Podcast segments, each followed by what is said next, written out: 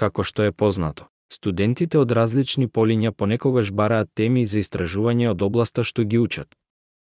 Идејата е да се постави конекција, локација помеѓу луѓе, а не само академици, кои ќе понудат идеи за теми за истражување на различни области и студенти кои можат да ги користат овие теми за нивно истражување. Уела напоменам дека не сум академски или дипломиран на која било академска или универзитетска институција.